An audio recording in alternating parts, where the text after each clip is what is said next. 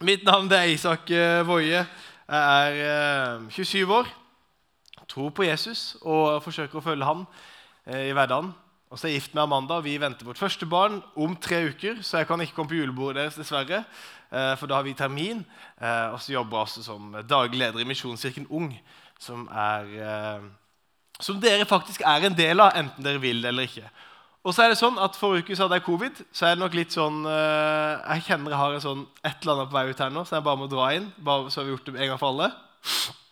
Takk. Eh, men det er veldig fint. Eh, dere er nå i en misjonskirke. Grimstad misjonskirke, ikke sant? Og rundt om i landet vårt så har vi ca. 82 andre misjonskirker. Og alle disse misjonskirkene håper vi har tilbud til barn, ungdom og unge voksne, sånn som dere. Og det er der vi i Misjonskirken Ung kommer inn. da. Vi forsøker å betjene de lokale misjonskirkene så godt vi kan. Med diverse arrangementer, med diverse ressurser og med diverse sånn konsulentvirksomhet, sånn rådgivning og sånn. Eh, for alderen 0 til 26 år, som da Touchpoint er en del av. Så har jeg fått lov til å være daglig leder der fra august av og fram til nå, og håper enda litt til. Så det er, det er veldig fint. Så da inviterte jeg meg sjøl til Touchpoint her i Grimstad. Unnskyld, Aust-Agder. Eh, jeg sier alltid Grimstad, men det er Aust-Agder fortsatt. er det ikke? Selv om det er ett Agder, ett sykehus eh, på Sørlandet. Ja, det er, hvor mange lokale er det her? Bare helt der, opp med hånden. Er det noen hvor mange fra Grimstad er der? Ja, Tok dere den ett Agder, ett sykehus-greia? Ja, ja. Men det var ikke noe gøy. Personlig kommer jeg fra Arendal, så det er jo litt sånn uh, Arendal-gubben. Så det er, litt sånn, uh, det er jo nesten å komme hjem og komme til Grimstad. Samtidig veldig fremmed. Så det er en artig følelse å kjenne på. Men jeg har altså invitert meg sjøl hit i dag, og dere er en del av Misjonskirken Ung. Derfor er jeg her. Eh, og så håper jeg at eh, vi i Misjonskirken Ung kan eh, bistå dere med alt det dere trenger for å gjøre Touchpoint bra og for å nå Grimstad-studentene. Hæ? Det er det vi vil. Det sto visjonen deres sto på skjermen her i stad. At dere vil nå eh, de som er langt borte fra kirke og menighet, og gjøre dem til etterfølgere av Jesus. Og det må jeg løfte høyt. At det er det Touchpoint er til for. Dere er i en uh, taleserie som heter Fjellstøtt, som handler om bergprekenen. Og Jeg får lov å hoppe rett inn i den, og vi skal snart bi oss ut på en tekst. Um, men litt sånn innledningsvis tenker jeg at vi som, vi som er kristne, vi har altså Jesus. Han er vår frelser. Han har dødd en gang for alle på korset for våre synder, så vi kan komme til Gud en dag i himmelen. Himmelbilletten er vår, og det er jo helt herlig. Og så tenker jeg at eh, Kristenlivet stopper, starter jo ikke og stopper med det, at vi er kristne, men det kommer fortsatt noe mer etter det. Det er fortsatt plass til masse utvikling og opplevelse og erfaringer i kristenlivet etter vi har tatt imot Jesus. Eh, og Der kommer inn at vi ofte sier at Jesus er vår herre og vår mester. Han er vår herre, når vi sier at han er vår sjef, og vi vil lyde han. Og så er han vår mester, at vi vil lære å leve livet av han på den måten han gjorde. Eh, og så pleier jeg å si at Jesus vil at vi skal leve gode liv. Eh, og det er jo ikke nødvendigvis bare sånn et moralsk godt liv. Jesus er opptatt av moral, men alt i kristenlivet er ikke bare moral. Men Jesus vet hva som er best for oss, og ønsker oss bare det beste. Så han ønsker at vi skal leve gode liv, og derfor ønsker han at vi skal lære av han. For han er jo sømmersjefen. Så når han på en måte er vår frelser, mester og herre, og vi ønsker å følge han, så blir det veldig alvorlig det han har sagt, og det han sier i Bibelen. Da har det veldig tyngde tenker jeg, for oss kristne, for det er Jesu ord, og det er Guds ord. Um, og når jeg leser Bibelen, syns jeg det kan være ganske utfordrende å, å ta det innover det som står der ofte. Jeg, synes det, jeg krangler ofte med, med, Skriften og med Herren og med det som står der. Eh, men så tror jeg når vi på en måte får tak i det, så tror jeg at vi kan gjøre det som tittelen på talen er. det at Vi kan stå fjellstøtt, og i dag skal jeg snakke om at vi kan ha en radikal tillit til Gud og til Jesus. Eh, når vi da møter Jesu ord, så kan jeg ofte kjenne på at jeg krangler med Gud og krangler med Jesus i forhold til hva ordet han sier. Og da har jeg fått en setning som jeg fikk da jeg gikk på bibelskole, som har eh, blitt veldig viktig for meg, som dere skal få av meg gratis. uten, Akkurat som kafeen. Den her er gratis. Og den er 'Gud er Gud, og du er ikke'. Kanskje har du hørt den før. Det er ikke en veldig revolusjonerende setning, men Gud er Gud, og du er ikke. Og Det den setninga hjelper meg til, da, det er å på en måte sette litt riktig perspektiv på Guds ord, og på Gud og på meg selv. Han er jo Gud. Hva vil det si at Gud er Gud? Altså Gud skapte alt. Himmel og jord, hav og himmel Himmel, jord, hav og himmel. Ja, det er, to, det er fire forskjellige ting. Alle dyr, fjell, alt vi kan se, måne og sol, skyer og vind og blomster og trær, skapte vår Gud. Han er som skaper han har skapt oss, og vi er en del av skaperverket. Så med tanke på at Hvis det er Gud, så tenker jeg at ok, da skal Gud få lov til å være Gud. Han skal lov til å være sjef. Og så må jeg innse at jeg er ikke Gud. Jeg er ikke sjefen over alt. Jeg er ikke den som skal stå øverst. Så når jeg møter noen som krangler inni meg da, i Guds ord i Bibelen, så velger jeg faktisk å si den setninga for meg selv. Gud er Gud, og du er ikke. Så la dette Guds ordet være sannhet. La det stå støtt. Du kan utfordre det. Vi kan slåss med det. Det er lov, det. Vi skal ikke ha en blind tro og bare kjøpe alt og bare seile av gårde. og det er det. Vi skal få lov til å stille spørsmål og få lov til å utfordre det som står der, og studere det. Og alt det der. Eh, og ikke les det bare alene. Les det med folk. Snakk sammen om det. ikke sant? Derfor har vi smågrupper bibelgrupper for å bruke Guds ord sammen. Men det er noe med at Gud er Gud, og jeg er ikke at han skal få lov til å være sjefen. Det han har sagt skal få lov til å være retningsgivende for min del. Og jeg trenger noe større i livet mitt å leve etter. Og da holder det ikke med et eller annet fotballag som jeg heier på, eh, eller en eller annen influenser på Instagram. eller hva det skulle være. Da trenger jeg noe større enn meg selv. Og da trenger jeg virkelig Gud å leve for. Gud er Gud, og du er ikke. Apropos fotballag, er det noen som heier på Jervheien, eller? Ja. Jeg håper dere holder dere. Ja, Det var mørkt, det straffesparket. Men imponerende en 39 år gammel mann. da og redde det ja, Vi skal ikke snakke mer om det. Personlig heier jeg på Start. For vi har jo ikke noe lag i Arendal som er verdt å heie på. Så det er jo bare feigt, men det går jo ikke akkurat veldig bra med Start om dagen heller. Samme det! Vi går videre til dagens tekst, som er henta fra Matteus, fra Bergpreken. Jesus' største og viktigste undervisning. Og dere skal få alt på skjermen, og jeg skal lese for dere. Hvis dere har sjanse til å lese det, så skal, kan dere lese, eller så leser jeg høyt for oss. Derfor sier jeg dere, vær ikke bekymret for livet, hva dere skal spise, eller hva dere skal drikke, heller ikke for kroppen, hva dere skal kle dere med. Er ikke livet mer enn maten og kroppen mer enn klærne? Se på fuglene under himmelen. De sår ikke, de høster ikke, og de samler ikke i hus. Men den far det har i himmelen, gir dem føde likevel. Er ikke dere mer verdt enn de? Hvem av dere kan med all sin bekymring legge en eneste alen til sin livslengde? Hvorfor er dere bekymret for klærne? Se på liljene på marken, hvordan de vokser. De strever ikke og spinner ikke. Men jeg sier dere, selv ikke Salomo i all sin prakt var kledd som en av dem. Når Gud kler gresset på marken så fint, det som gror i dag og kastes i ovnen i morgen, hvor mye mer skal han ikke da kle dere, dere lite troende? Så gjør dere ikke bekymringer og si ikke 'hva skal vi spise', eller 'hva skal vi drikke', eller 'hva skal vi kle oss med'? Alt dette er hedningene opptatt av. Men den far dere har i himmelen, vet jo at dere trenger alt dette. Og så kjerneverset. Søk først Guds rike og hans rettferdighet, så skal dere få alt det andre i tillegg. Så gjør dere ingen bekymringer for morgendagen. Morgendagen skal bekymre seg for seg selv. Hver dag har nok med sin egen plage. Jeg har valgt en bit av Matteus kapittel 6. Vi kunne selvfølgelig ikke tatt alt. Og Det som er dumt med mitt valg av tekst, er at det skjer veldig mye før. Som Jesus peker tilbake på når han begynner. For han sier 'derfor sier jeg dere'. Og dette 'derfor' henger sammen med noe som kommer før. Uh, og, og, Jesus han har altså pekt på en del ting i dette kapittelet. Han har snakka om når vi gir gaver, så skal vi gi gaver i det skjulte, og ikke sånn at alle ser det for å flotte oss. Når vi ber, så skal vi be det skjulte, og ikke foran alle, så vi skal flotte oss. Når vi ber, så skal vi ikke bare ramse opp masse ord, fordi Gud vet allerede hva vi trenger. Og så gir han også vår far, Herrens bønn, vår far. Så snakker han om vi skal tilgi våre neste. Og så sier han at når vi faster, skal vi gjøre det skjulte og ikke vise oss fram for alle andre. Og så kommer han til noe veldig veldig viktig, som også er et veldig viktig bakteppe for det jeg skal si videre. Og det er at han snakker om eh, det udelte hjertet. Han snakker eh, om at hjertet vårt det søker et eller annet sted rundt oss. Uh, og der hjertet vårt er, der uh, er også lojaliteten og, og, og, livet vårt den retninga går det. Så han, han, han, stiller spørsmål på hvor er skatten din? Altså Hvor er det du verdsetter i livet? Er det i det jordiske, i det materielle, er det i det, det du har? Og så sier han ikke så lurt, for det er ganske kort tidsperspektiv på det du eier. Og materielle har heller, har søk heller skatten din opp til himmelen, til Guds rike, for det har mye lengre verdi. Så spør han hvor, hvor, hva preger ditt indre. Er det preget av lys? Eller er preget av mørke. For Hvis det er preget av mørke, så kommer det til å forme hvordan du ser på verden. Og hvis det er preget av lys, så kommer det også til å påvirke perspektivet ditt. Og så spør han til slutt hvem tjener du. Tjener du mammon, eller tjener du Gud?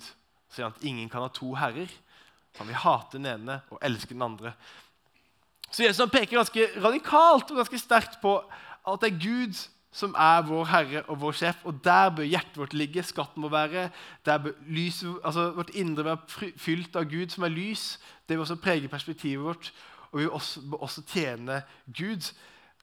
Og han sier alt det, så sier han derfor sier jeg dere, vær ikke bekymret for livet. Og så er det ikke sånn at uh, Dette er matematikk. sånn at hvis du gjør A, eller det er ikke sånn at det henger alt sammen sånn som matte. at Hvis 1 pluss 1 er lik 2, eller gjør du A, så får du B. Uh, altså Hvis du gjør alle disse tre tingene, så vil du bare null problemer. Hvis jeg på en måte i dag klarer å gjøre alle disse tre tingene her, ha skatten min i, hos Herren, være fylt av lys og tjene Gud, så vil alt lykkes med i dag. Men glemmer å gjøre det i morgen, så vil alt bare falle i grus. Og jeg er fylt av bekymring og angst. Det er ikke sånn, men han peker på noe større på en som er større, og en som er verdt å tjene, og en som er verdt å henvende seg til. Og det er Gud. Og når vi gjør det, så går Jesus sier videre og sier dette som er mitt punkt én, og det er 'vær ikke bekymret'. Jesus sier det faktisk tre ganger i undervisninga si. 'Vær ikke bekymret', 'gjør dere ingen bekymringer', eh, 'ikke bekymre dere i det hele tatt'.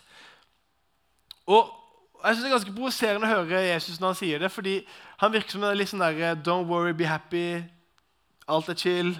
La det flyte. Alt går bra. Uh, har, du, har du så lov? At Han virker bare helt sånn virkelighetsfjern i det han sier. Vær ikke bekymret. Og så skal du på en måte ikke leve så veldig lenge på den jorda før du skjønner at det fins ganske mange ting å bekymre seg over og være bekymret for. Du skal ikke gå så veldig mange, være så veldig mange minutter på mobilen da, før du plutselig skjønner at i denne verden så er det ganske mange ting som suger. Jesus virker altså så virkelighetsfjern når han sier det her. Og uh, Vi har mange ting vi kan bekymre oss for, og mange ting vi kan være redd for. Og mange, jeg tenker En del bekymring er ganske berettiga. Har ganske god grunn. Man har ganske god grunn til å være bekymra for en del ting av det man tenker på. Um, og, det er ganske, det er, og angsten kommer også inn her. Og dette er sånne ting Jeg tror ikke, jeg kommer ikke til å gå inn på de bekymringene der som er ganske berettiga, for det blir for tungt. Uh, tenker jeg, For det berører så dypt. Det er bedre å snakke om sånne dype bekymringer i en én-til-én-samtale. Men jeg tenker også en del av det vi bekymrer oss for, er bare helt sånn håpløst og helt tullete. Og en del av det henger også sammen med måten vi lever livene våre på. Og til de første at vi bekymrer oss for tullete ting, skal jeg bruke et lite eksempel fra eget liv. For jeg jobba som ungdomspastor fram til i sommer eh, i Kristiansand. Og Vi hadde ikke et flott bygg i kirka vår, vi hadde ikke tak og hus over menigheten vår. Vi leide oss inn på en skole, så alle våre ting det måtte vi til ungdomsarbeid, det måtte vi ha i en tilhenger. En sånn skaptilhenger som er parkert et eller annet sted langs veien der det passa seg. Og det var ledig i grøfta. Og hvis du har alle tingene dine tilhenger, så er det digg. For før så hadde alle tingene, mine, alle tingene til ungdomsspillet på soverommet mitt. Det var dritstress. I masse plastkasser. Men nå har jeg kjøpt inn henger, og vi hadde alle tingene der. Og så er jeg ikke så veldig glad i å kjøre med henger, for jeg hater å rygge med henger. Er det noen som tør å være så ærlig at de syns det er vanskelig å rygge med tilhenger? Ja, første rad. Å, nei, ja, topp, bra. Så er det sikkert noen som tenker ha, taper, det er dritlett å rygge med tilhenger. Det er helt lov. men, men eh, og problemet hvis du har alle tingene i tilhenger, er at det blir kaldt om vinteren og dritvarmt om sommeren. Så vi hadde aldri kald brus i ungdomsarbeidet med mindre vi var helt fryst. Eller så var den helt kokt over, og det var dritt. Eller sjokoladen var smelta, eller var helt fryst. Eller alt vi tok ut derfra, var tom for strøm. og alt var bare knot. En gang så snødde det så mye at hele greia ble snødd inne. En annen gang så regna det, og så frøs det på, så hele låsen til tilhengeren var Jeg knakk nøkkelen inn i låsen. Så jeg fikk ikke med meg tilhengeren i det hele tatt. Jeg, altså det, og etter, når dette jobba seg opp hver lørdag, da, når jeg skulle ha ungdomsarbeid, så bare bygde det seg opp en sånn bekymring og forventning om at nå er det et eller annet som kommer til å gå i dass. Og så ødela jeg ganske mange sånne deilige lørdagsformiddager sammen med kona mi, Amanda, som vi kunne bare kost oss og gått på kafé og solt oss og vært på et strandtur og alt sånn, fordi jeg var så bekymra for hvordan det skulle gå med den tilhengeren. Så jeg kasta bort så mange fine lørdager på akkurat det. Og etter hvert så, Jeg jobba der i seks år, så jeg begynte å få litt rutine på det. Men likevel så greide jeg å kaste bort så mange lørdager på noe som var helt tullete å være bekymra for. Eh, og i tillegg så er det en del X-faktorer her med å jobbe med ungdom. fordi plutselig så møter de opp fordi de har en eller annen serie de må se på. etter søvende. Men enkelt eksempel Men jeg tror vi kan kjenne igjen at vi bekymrer oss for ganske mange dumme ting som oftest viser seg å løse seg. Jesus peker på tre ting som vi bekymrer oss for. Det er mat og klær og morgendagen. Altså Han sier det i teksten. Um, Vær ikke bekymret for livet, altså hva dere skal spise, hva dere skal kle dere med, eller for kroppen. Og Vær heller ikke bekymret for morgendagen, sier han litt seinere i teksten. Noen bekymringer er helt meningsløse. Noen bekymringer kommer av livsstilen vår og måten vi lever livet vårt på. Og denne boka her, den heter som dere kan se, 'Faith for Exiles'. Fra USA baserer seg på en undersøkelse gjort i 2018 på hva som skaper disipler av unge mennesker som blir disipler som beholder troa si livet ut. Um, og et sånn annet premiss er at vi, de mener at vi nå lever i det som kalles eksil. Da. altså faith for exiles, at vi lever i et eksil. Fordi Før så hadde kristendommen jeg håper stemmerett, vi hadde definisjonsrett i landet vårt og i verden. Men etter hvert så har vi mista den plassen, og så har noe annet tatt over. og Det er bl.a. teknologi og digitaliseringa. Så de sier at vi lever i et sånn digitalt Babylon. At det er så mye teknologi og så mye sosiale medier og så mye greier rundt oss som har så mange stemmer som påvirker oss, som gjør at det på en måte har førsteretten. Og Hvis du bare tenker over hva du begynner dagen din med, så begynner du ofte dagen kanskje med mobilen din. Og Et problem med mobilen vår det er at vi kan reise jorda rundt i løpet av to minutter. og Vi kan ta inn alle inntrykk. Vi kan være litt i Israel og synes det er vondt og dumt. Vi kan være litt i Ukraina og synes det er vondt og dumt. Vi kan så reise til en eller annen bygd i Norge der det var en eller annen lærer som ikke oppførte et eller annet sånt. Og så kan vi reise til USA, så er det noe galt der òg. Og så reiser vi sånn rundt omkring, og så når vi er lei alt det her, så finner vi heller fram noen andre koselige ting å se på på TikTok eller Instagram. Men vi kan fylle oss med bekymring fra utsida bare fordi vi har hele verden tilgjengelig i mobilen. Og Det sier de blant annet at det er noe av det vi gjør. Og en annen ting vi også gjør med mobilen vår, det er at vi har alle slags reklame dytta på oss, og masse stemmer som sier at vi skal kjøpe noen produkter eller kjøpe noen greier. Um, og så er det ikke sånn at de, Disse som selger disse produktene, selger ikke bare et produkt. Audi selger ikke bare en bil. De selger utvikling. Og det vil være en fyr som er med på utvikling. Evergood de selger ikke bare kaffe. De selger romantisk aften med kona. Du være en sånn fyr som har det. ikke sant? Eh, Restaurant selger heller ikke bare en pizza, en frossenpizza. Nei, de selger liksom bare de selger hele opplevelsen bare i Italia og spise med kjæresten din og kose deg. Og andre på sida der, så The Big One selger ikke bare en pizza, de heller, de selger fotballkveld med gutter. ikke sant? De selger også opplevelser og identiteter. Og dette tar vi inn over oss. Og så tenker jeg at Det skaper oss en del bekymring i livet vårt alt det vi skulle hatt, og alt det vi kan ta inn over oss på en gang. Jesus han går så langt at han forbyr bekymring, og det synes jeg er ganske knallhardt gjort av han. Men han forbyr bekymring. Han ønsker at vi skal flytte fokus. Han gir oss et forbilde i teksten. At vi skal se til liljene på marken. Vi skal se på fuglene under himmelen. De stresser ikke. De er ikke bekymra. De bare lever livet, de. Fordi de stoler på Gud. Men de bare lever livet de, og har det så fint. De skal vi liksom ha som forbilde. Og så er han litt, er han litt frekk også, han Jesus. Han er altså litt frekk. For han sier sånn Hva hjelper det å bekymre seg? Kan du legge en alen til en livslengde? Altså Kan du utvide livet ditt så lenge du, at du kan leve lenger? Eller enda mer bokstavelig talt, kan du gjøre deg selv høyere med all din bekymring? Din livslengde. Kan du gjøre deg selv høyere? Nei, sier han. Ingenting av det her hjelper. Vi skal ikke bekymre oss sier Jesus. Han forbyr bekymringen. Så er det kanskje noen av dere som får litt sånn spørsmål sånn, Ja, men hva med dette og dette og dette, da? Hva med disse tingene her? Det er mitt punkt nummer to. Men hva med bla, bla, bla, bla, bla? Og da har jeg valgt å bruke en god venn av meg. John Stott heter han. Han ble 90 år gammel, som dere ser. Og det her, sånn som han ser ut, han er ganske søt. Hvis du syns han er søt, så kan du nikke forsiktig. Ja, Det er noen som synes han er søt. Det er min drømmekropp som gammel mann. For det vil man på en måte uansett nå. Skjønner du? Genialt. Det er life hack. Men han sier i forhold til den teksten der uh, skal peke bak, oi sånn. Men hva med jobb, da? Trenger jeg jobbe? Hva med jobb? Trenger jeg jobbe? Er det sånn, Hvis jeg skal ta dette bibelverset på alvor, da, kan jeg bare gå hjem, legge meg på sofaen hjemme, og så kommer Nottos med pølse tre ganger om dagen og holder meg i live? Er det der vi er? Er det der livet er, liksom? Fordi jeg stoler på Herren? Så sier John Stott at nei, det er ikke sånn det fungerer. Det er ikke sånn det fungerer. Vi må fortsatt jobbe for vårt livsopphold. Vi må fortsatt holde gående.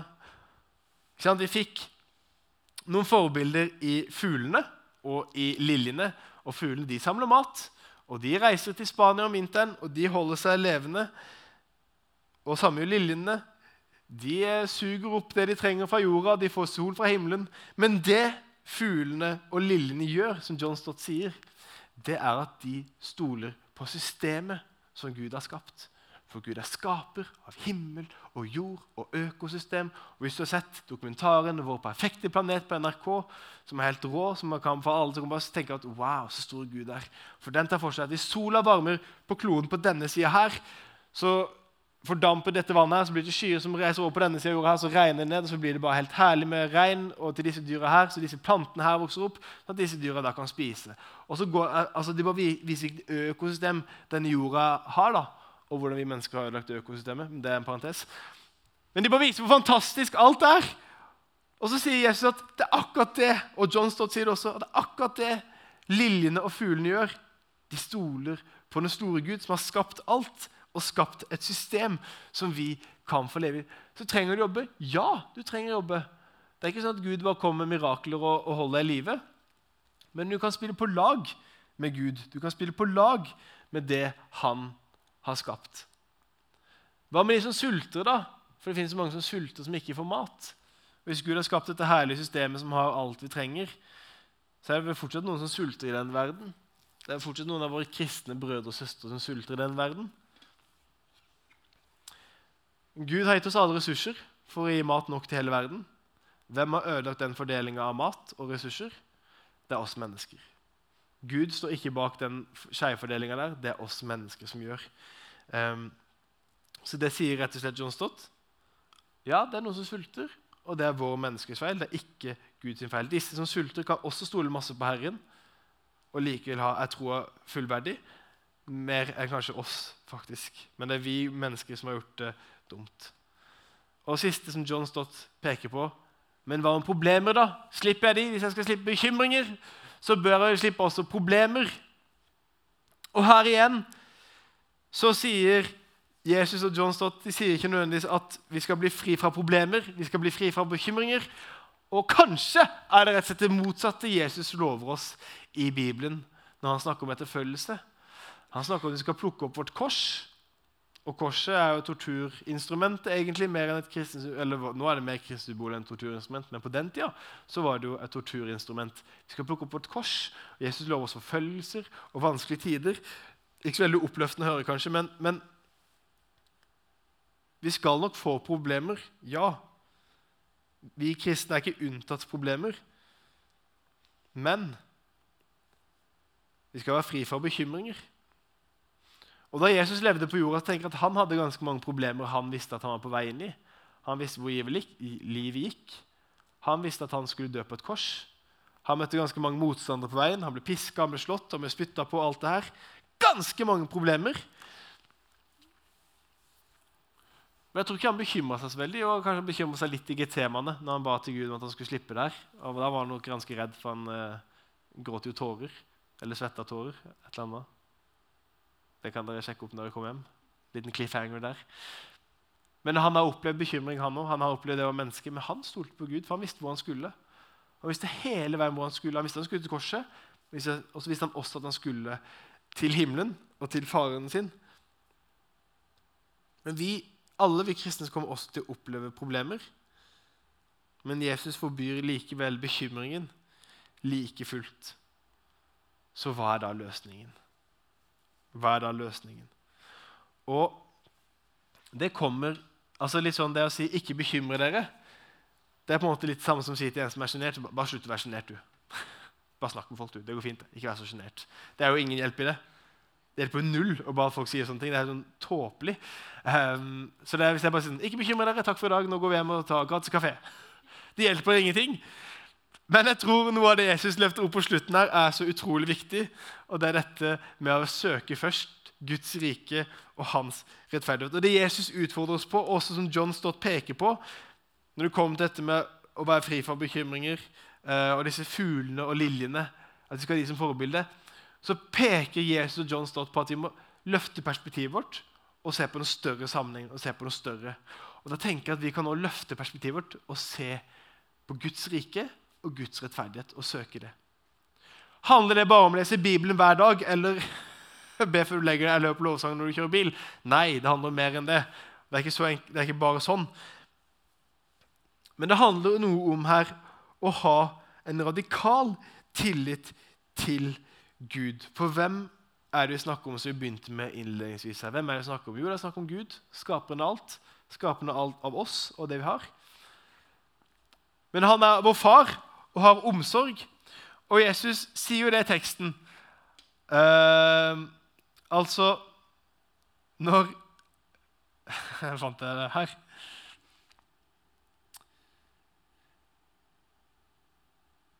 Nei, jeg fant det ikke. Jo! Se på fuglene i himmelen! De sår ikke, de høster ikke og samler ikke hus. Men den far, den far ikke fuglene har, men som dere har i himmelen, gir den føde likevel. Altså, Gud er vår far. Han er ikke fuglenes far, han er ikke blomstenes far, men han er vår far. Og da kan nok vi stole på at han har omsorg for oss. Hvis han har omsorg for fuglene, så har han i hvert fall omsorg for oss. Han tar seg av alle de andre, så hvorfor ikke han, han, skal han ikke da ta seg av barna sine? Ikke sant? For han er vår far.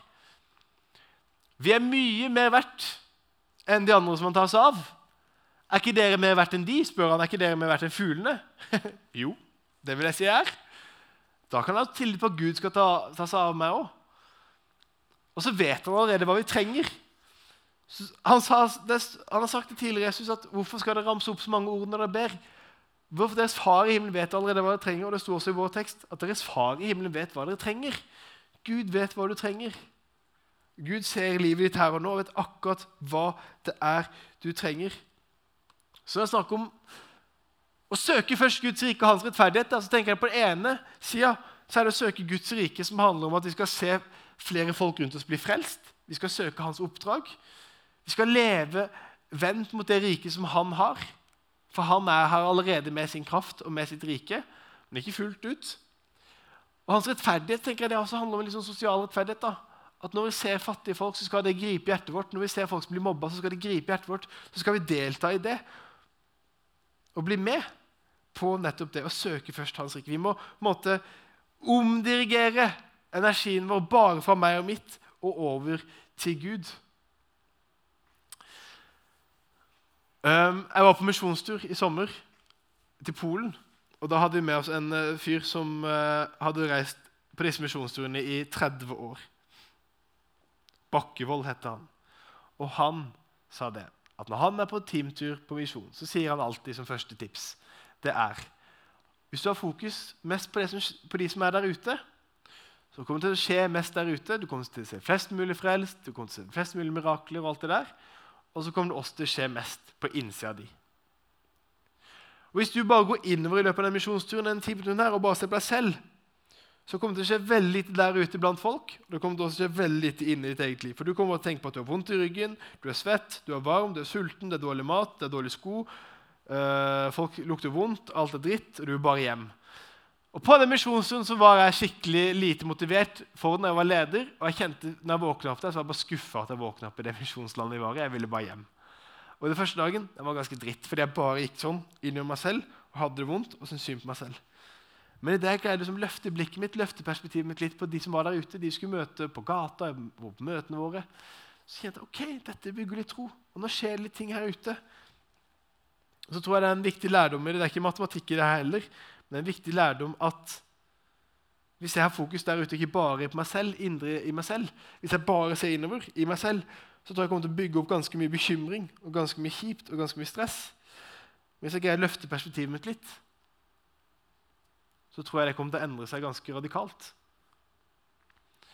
Jeg skulle være i et møte her om dagen nå med noen høye herrer i Misjonskirken Norge. og Det var en ganske kjip sak vi skulle snakke om i dette møtet. Um, og uh, så var det den ene som var i kontakt med pastoren i Misjonskirka i Lyngdal. Han ene jeg jobbet med, var i kontakt med han, og denne pastoren i Lyngdal han hadde begravelsen av lille Torjus, som vi sikkert har lest om i nyhetene, som forsvant under jakta. Og Så fortalte han litt fra det, og så bare var det sånn, det gikk noen der sukk gjennom hele møtesalen, eller der vi var, det, det møtet, at bare sånn Samme det hva vi skal snakke om nå, selv om det er en kjip sak. Samme det.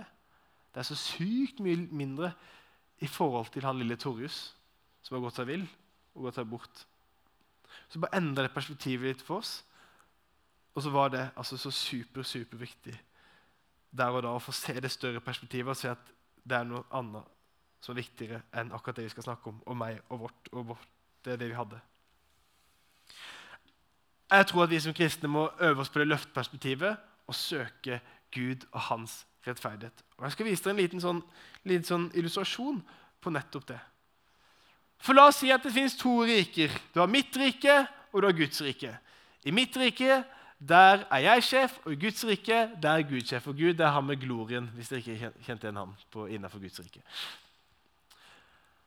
Og disse tror jeg, jeg tror eh, de kan være, av og til være litt i krangel. Men ofte når vi sier at vi, folk blir kristne da, Det har vært møte unge som har vært lærer, eller noe, som kommer hjem og sier ja, han takka ja til Jesus. Ja, han tok imot Jesus. Ja, han sa ja til Jesus. Så snakker vi på en sånn måte at, måte at Gud at, Eller jeg sitter i mitt rike og sier ja, Jesus, du kan komme inn her. Ja, du kan komme inn i mitt rike. Vær så god. Jeg takka ja til Jesus. Jeg har øh, sagt ja til ham.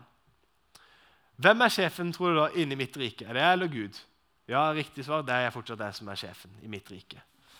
Men hvis vi velger å snu på det og tenke at når vi blir kristne Den dagen vi sier ja til Han og, takk, og sier 'Jeg vil gi livet mitt til deg', så velger vi å se på det sånn at vi får lov til å flytte inn i Guds rike. Og hvem er sjefen i Guds rike? Det er nemlig Gud. Han er kongen. Og Jeg kommer til å avslutte der jeg begynte med at Gud er Gud, og du er ikke. Gud er Gud, og du er ikke. Så når Jesus snakker om at vi ikke skal bekymre oss, så tenker jeg på den ene sida at det er provoserende. Og det irriterer meg fortsatt. Selv når jeg står og snakker om det til dere. Jeg er ganske irritert på de ordene akkurat her jeg står nå. Men så kan jeg også hende meg til Gud tenke at han er Gud, og så er ikke jeg sjefen. Gud er sjef, og det er ikke jeg. Han er herre, og det er ikke jeg. Og så tenker jeg altså, Når jeg bærer på min bekymring, da, når jeg bærer på min bekymring, så kan jeg ta den ut i lyset og så kan jeg se på den, og så kan jeg gi den til Gud og si Gud, dette her bekymrer jeg for. Kan du se på det? Kan du ta det? Og Hvis det ikke funker, så kan du også snakke med andre kristne. Så kan vi sammen be for det, legge det fram for Gud, og så kan vi gi det til ham. For tenk at Gud er Gud, og vi er ikke Gud. Han er sjef, og det er ikke vi. Og når vi lever et liv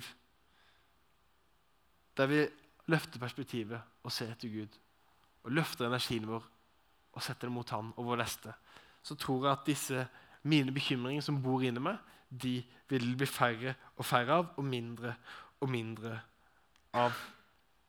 Og Jesus sier det, så er jo ikke han virkelighetsfjern, for han har kjent bekymringen og smerten sjøl. Han har vært i det, han er et menneske, han har gått mot korset, han visste hvor, han skulle, hvor livet han skulle. Han visste at han skulle møte på masse drit. Men så tror han ikke var bekymra, for han visste også at han var på vei til himmelen. Og det er også vi som kristne. Vi er også på vei et sted som er Guds rike, og som er større enn oss. Jeg ber en bønn til avslutning, så kan sikkert lovsangsteamet komme opp. Men kjære far, takker deg for uh, ditt ord. Takker deg for at du sier at vi kan stole på deg, at vi kan leve i en radikal tillit til deg. Hjelp oss med det, Jesus, å leve i en radikal tillit til deg. Hjelp oss å se til deg og, og uh, kunne stole på at du er Gud og er sjef og har kontroll, Jesus. Velsigne alle som sitter her inne, velsigne alle bekymringene våre. Ta brodden ut av dem. Hjelp oss å legge dem framfor deg, Jesus. Det ber om. Velsign alle som sitter her i salen, i ditt navn, Jesus. Amen.